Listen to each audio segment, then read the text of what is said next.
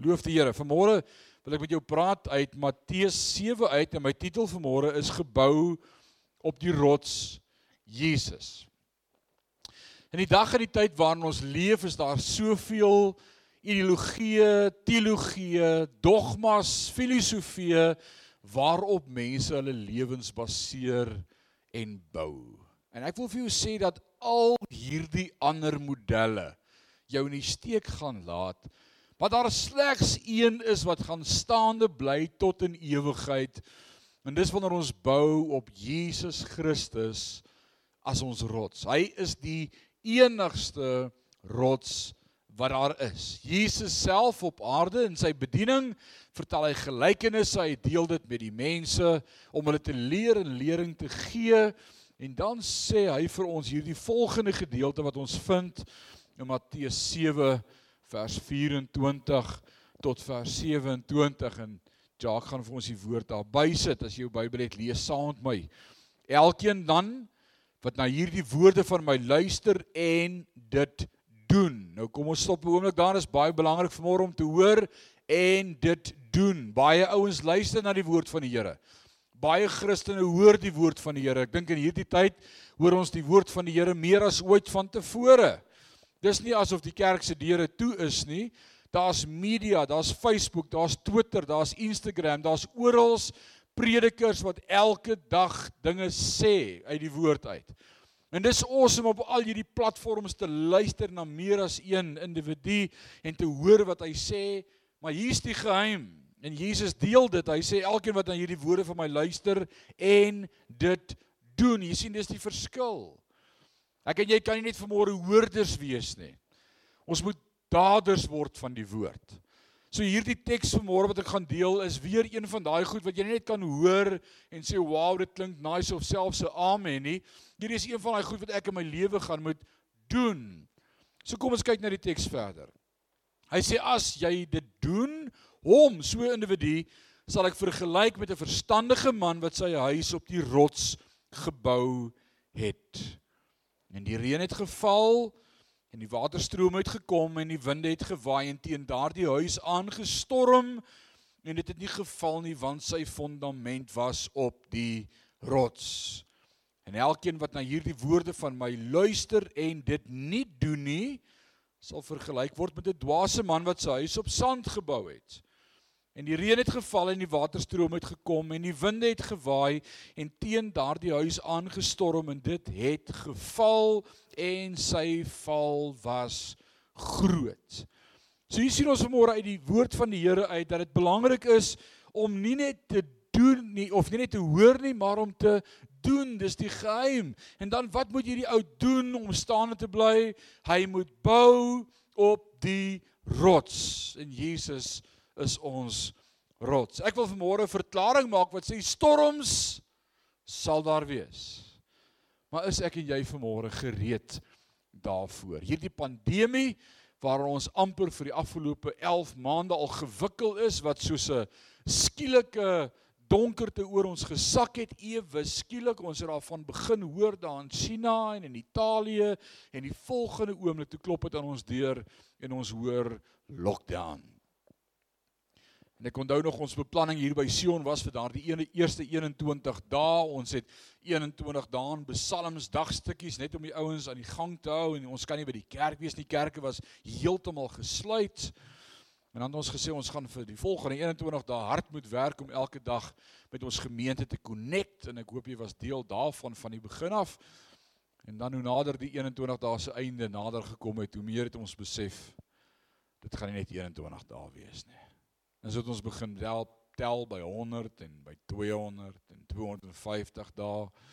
En ons was vir 'n rukkie oop en nou is dit alweer so gewees en ons hoop dat ons een van die dae weer almal hier by my mekaar kan wees.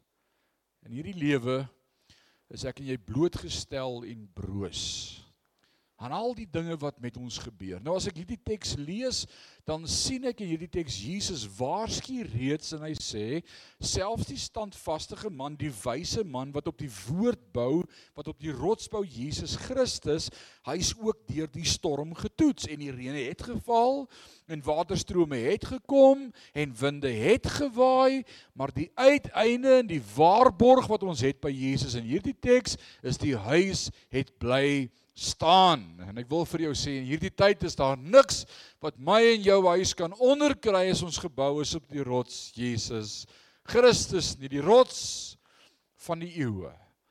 Ek het nou my pa en my oupa het in ons gemeente daardie lied soveel male gesing. Skuil net by u. Skuil net by u oor rots van die eeue. Ek skuil net by U. Ons het in hierdie tyd kom leer wat dit beteken om te skuil by die Here. Sy woord verklaar mos en hy sê hy wat skuilings vind en bly by die Allerhoogste sal vertoef onder beskerming van die Almagtige. Beide hierdie lewens die individu wat sy lewe gebou het op die rots en die een wat gebou het op sand omdat hy nie gedoen het nie. Hy het ook gehoor hy het ook geweet hoe moet die huis lyk. Hy het ook die planne gehad vir hoe 'n huis gebou moet wees maar hy het sand gebruik omdat hy nie gedoen het nie. En albei hierdie individue was blootgestel aan die storms. En ek wil vanmôre sê fair weather faith will never stand the test of time Ons kan nie net mooi weers Christene wees nie. Elke dag geplant in die woord. Hoor wat sê 1 Petrus 1 vers 6 en 7 vanmôre. Petrus, jy is hierdie disipel wat by was toe Jesus vir hom gesê het daardie verklaring toe hy vir Petrus vra wie's ek? Toe sê hy vir hom op hierdie rots sal ek my kerk bou en die poorte van die doderyk sal dit nie oorweldig nie. Petrus skryf in sy boekie 1 Petrus 1 vers 6 en 7 en hy sê daarin verheug julle heel Al word julle nou as dit nodig is 'n kort tydjie bedroef onder allerlei beproewinge sodat die beproefdheid van julle geloof wat baie kosbaarder is as goud wat vergaan maar deur vuur gelouter word bevind mag word tot lof en eer en heerlikheid by die openbaring van Jesus Petrus deel iets met daardie groep individue aan wie hy hierdie boek skryf wat ook vandag vir my en vir jou insluit en hy sê as dit nodig is 'n kort tydjie, 'n kort tydjie dan sê jy dis al amper 'n jaar, dis geen kort nie. Ek wil vir jou sê op die kalender van 'n ewigheid saam met God is hierdie jaar nie 'n druppel in 'n emmer nie. En wat kom leer God ons in hierdie jaar om hom te vertrou, om by hom te skuil? Om te midde van die storms en die reën en die wind staande te kan bly. My gebed vanmôre vir een en elkeen van ons is dat ons kan getuig en ons getuienis sal wees dank God ek het staande gebly. Dawid verklaar dit. Hy sê my voet het amper geswik. Amper het ek geval toe ek let na die voorspoed van ander, na die wêreld maar ek moet my oë op God hou. En ek wil vir jou sê in hierdie tyd ek kan ook sê my voet het al 'n paar keer amper geswik. As ek kyk na omstandighede in die nuus en die media en en en vooruitsigte. Maar elke keer as ek terugkom in die woord van God, dan bou ek op die rots Jesus Christus. O, hy stel nooit te leer nie.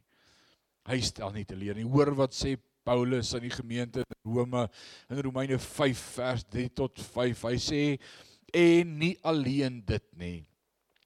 Maar ons roem ook in die verdrukking. Nou stop 'n oomblik daar. Dis nou nie juis 'n teks wat jy op jou yskas gaan plak as een van die blessings en beloftes uit die woord van die Here nie.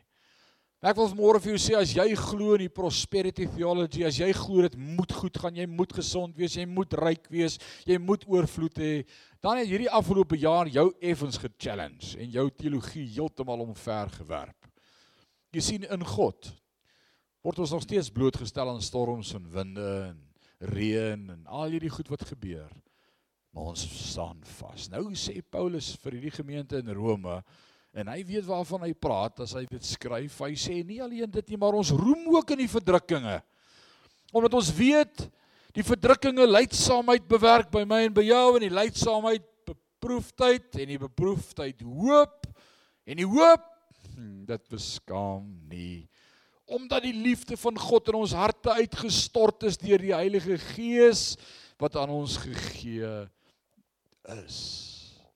Al wat hierdie jaar doen, al wat hierdie tyd doen, al wat lockdown doen, al wat die omstandighede van wat ek sien wat om my gebeur doen, is dit laat my net meer en meer my hoop op hom sit.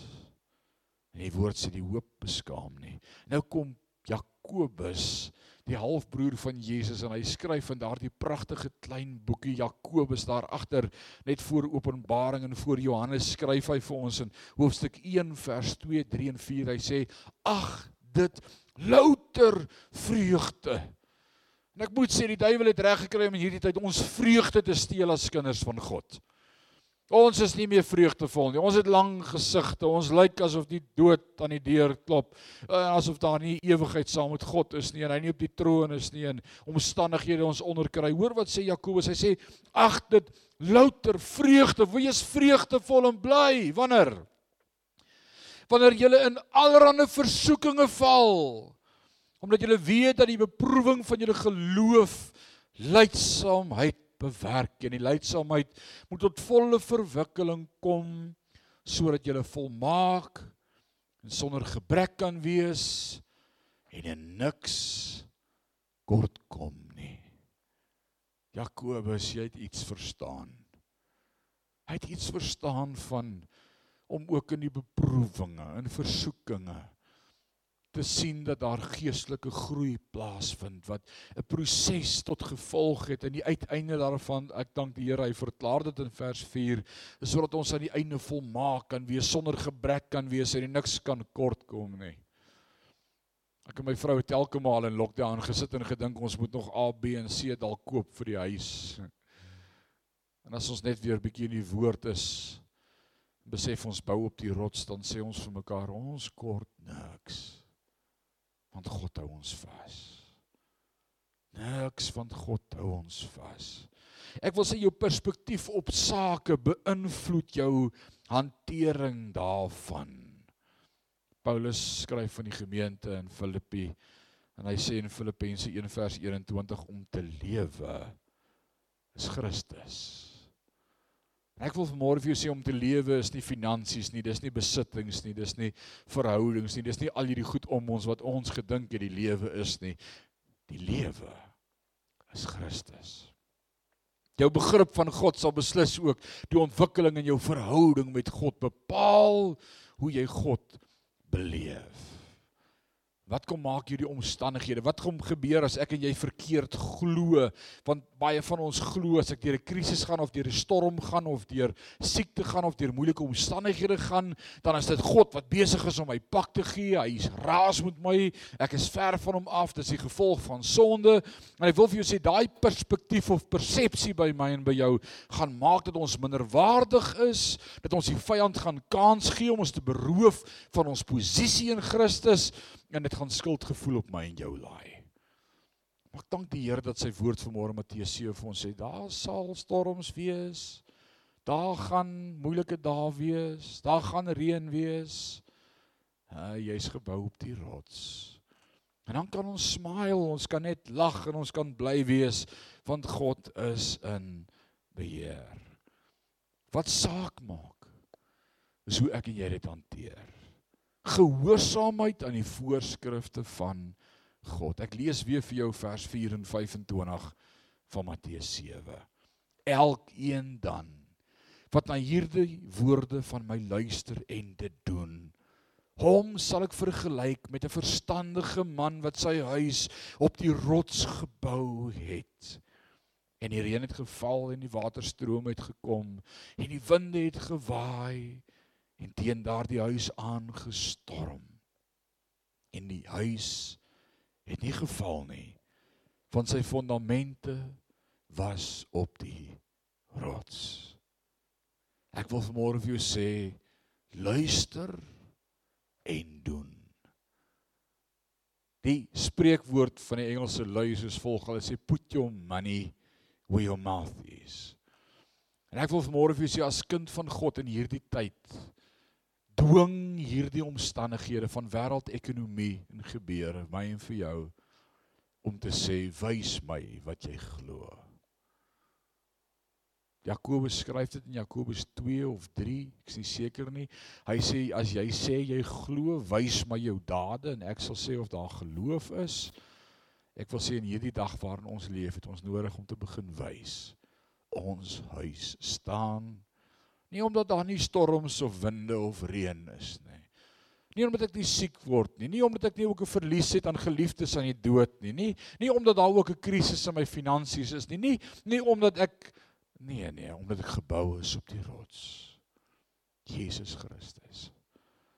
Ek wil vanmôre klaarmaak met hierdie liedse woorde wat in hierdie laaste dae so deur my gedagtes rol. Ek word met dit wakker in die oggend, ek gaan slaap daarmee.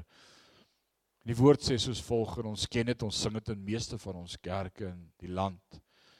My enigste troos in lewe en dood is dat ek aan Jesus Christus behoort. Deur sy kosbare bloed het hy my vrygekoop, hy's my anker, my vaste hoop. Ek behoort nou aan Jesus. Niks sal my ooit weer van hom kan skei. Deur sy kosbare bloed het hy my vrygekoop. Hy's my anker, my vaste rots. Wil vanmôre vir jou vra, as jy jou, jou huis gebou op die rots Jesus Christus, dan kan jy vanmôre saam met my uitroep Maranatha, kom Jesus kom. As jy vanmôre vir my sê ek sukkel, ek swoeg, ek val, dit voel vir my die storms gaan my oorweldig en die reën is te veel en die wind waai te sterk en my huis dui en tuimel en duie, dan wil ek vanmôre saam met jou bid dat God jou sal staande hou. Dat jy vanmôre sal 'n dader word van die woord en nie net 'n hoorder nie. Ek wil vanmôre saam met jou bid. Kom ons bid saam. Ewige God en Hemelse Vader, baie dankie vir u woord. U woord is kosbaar.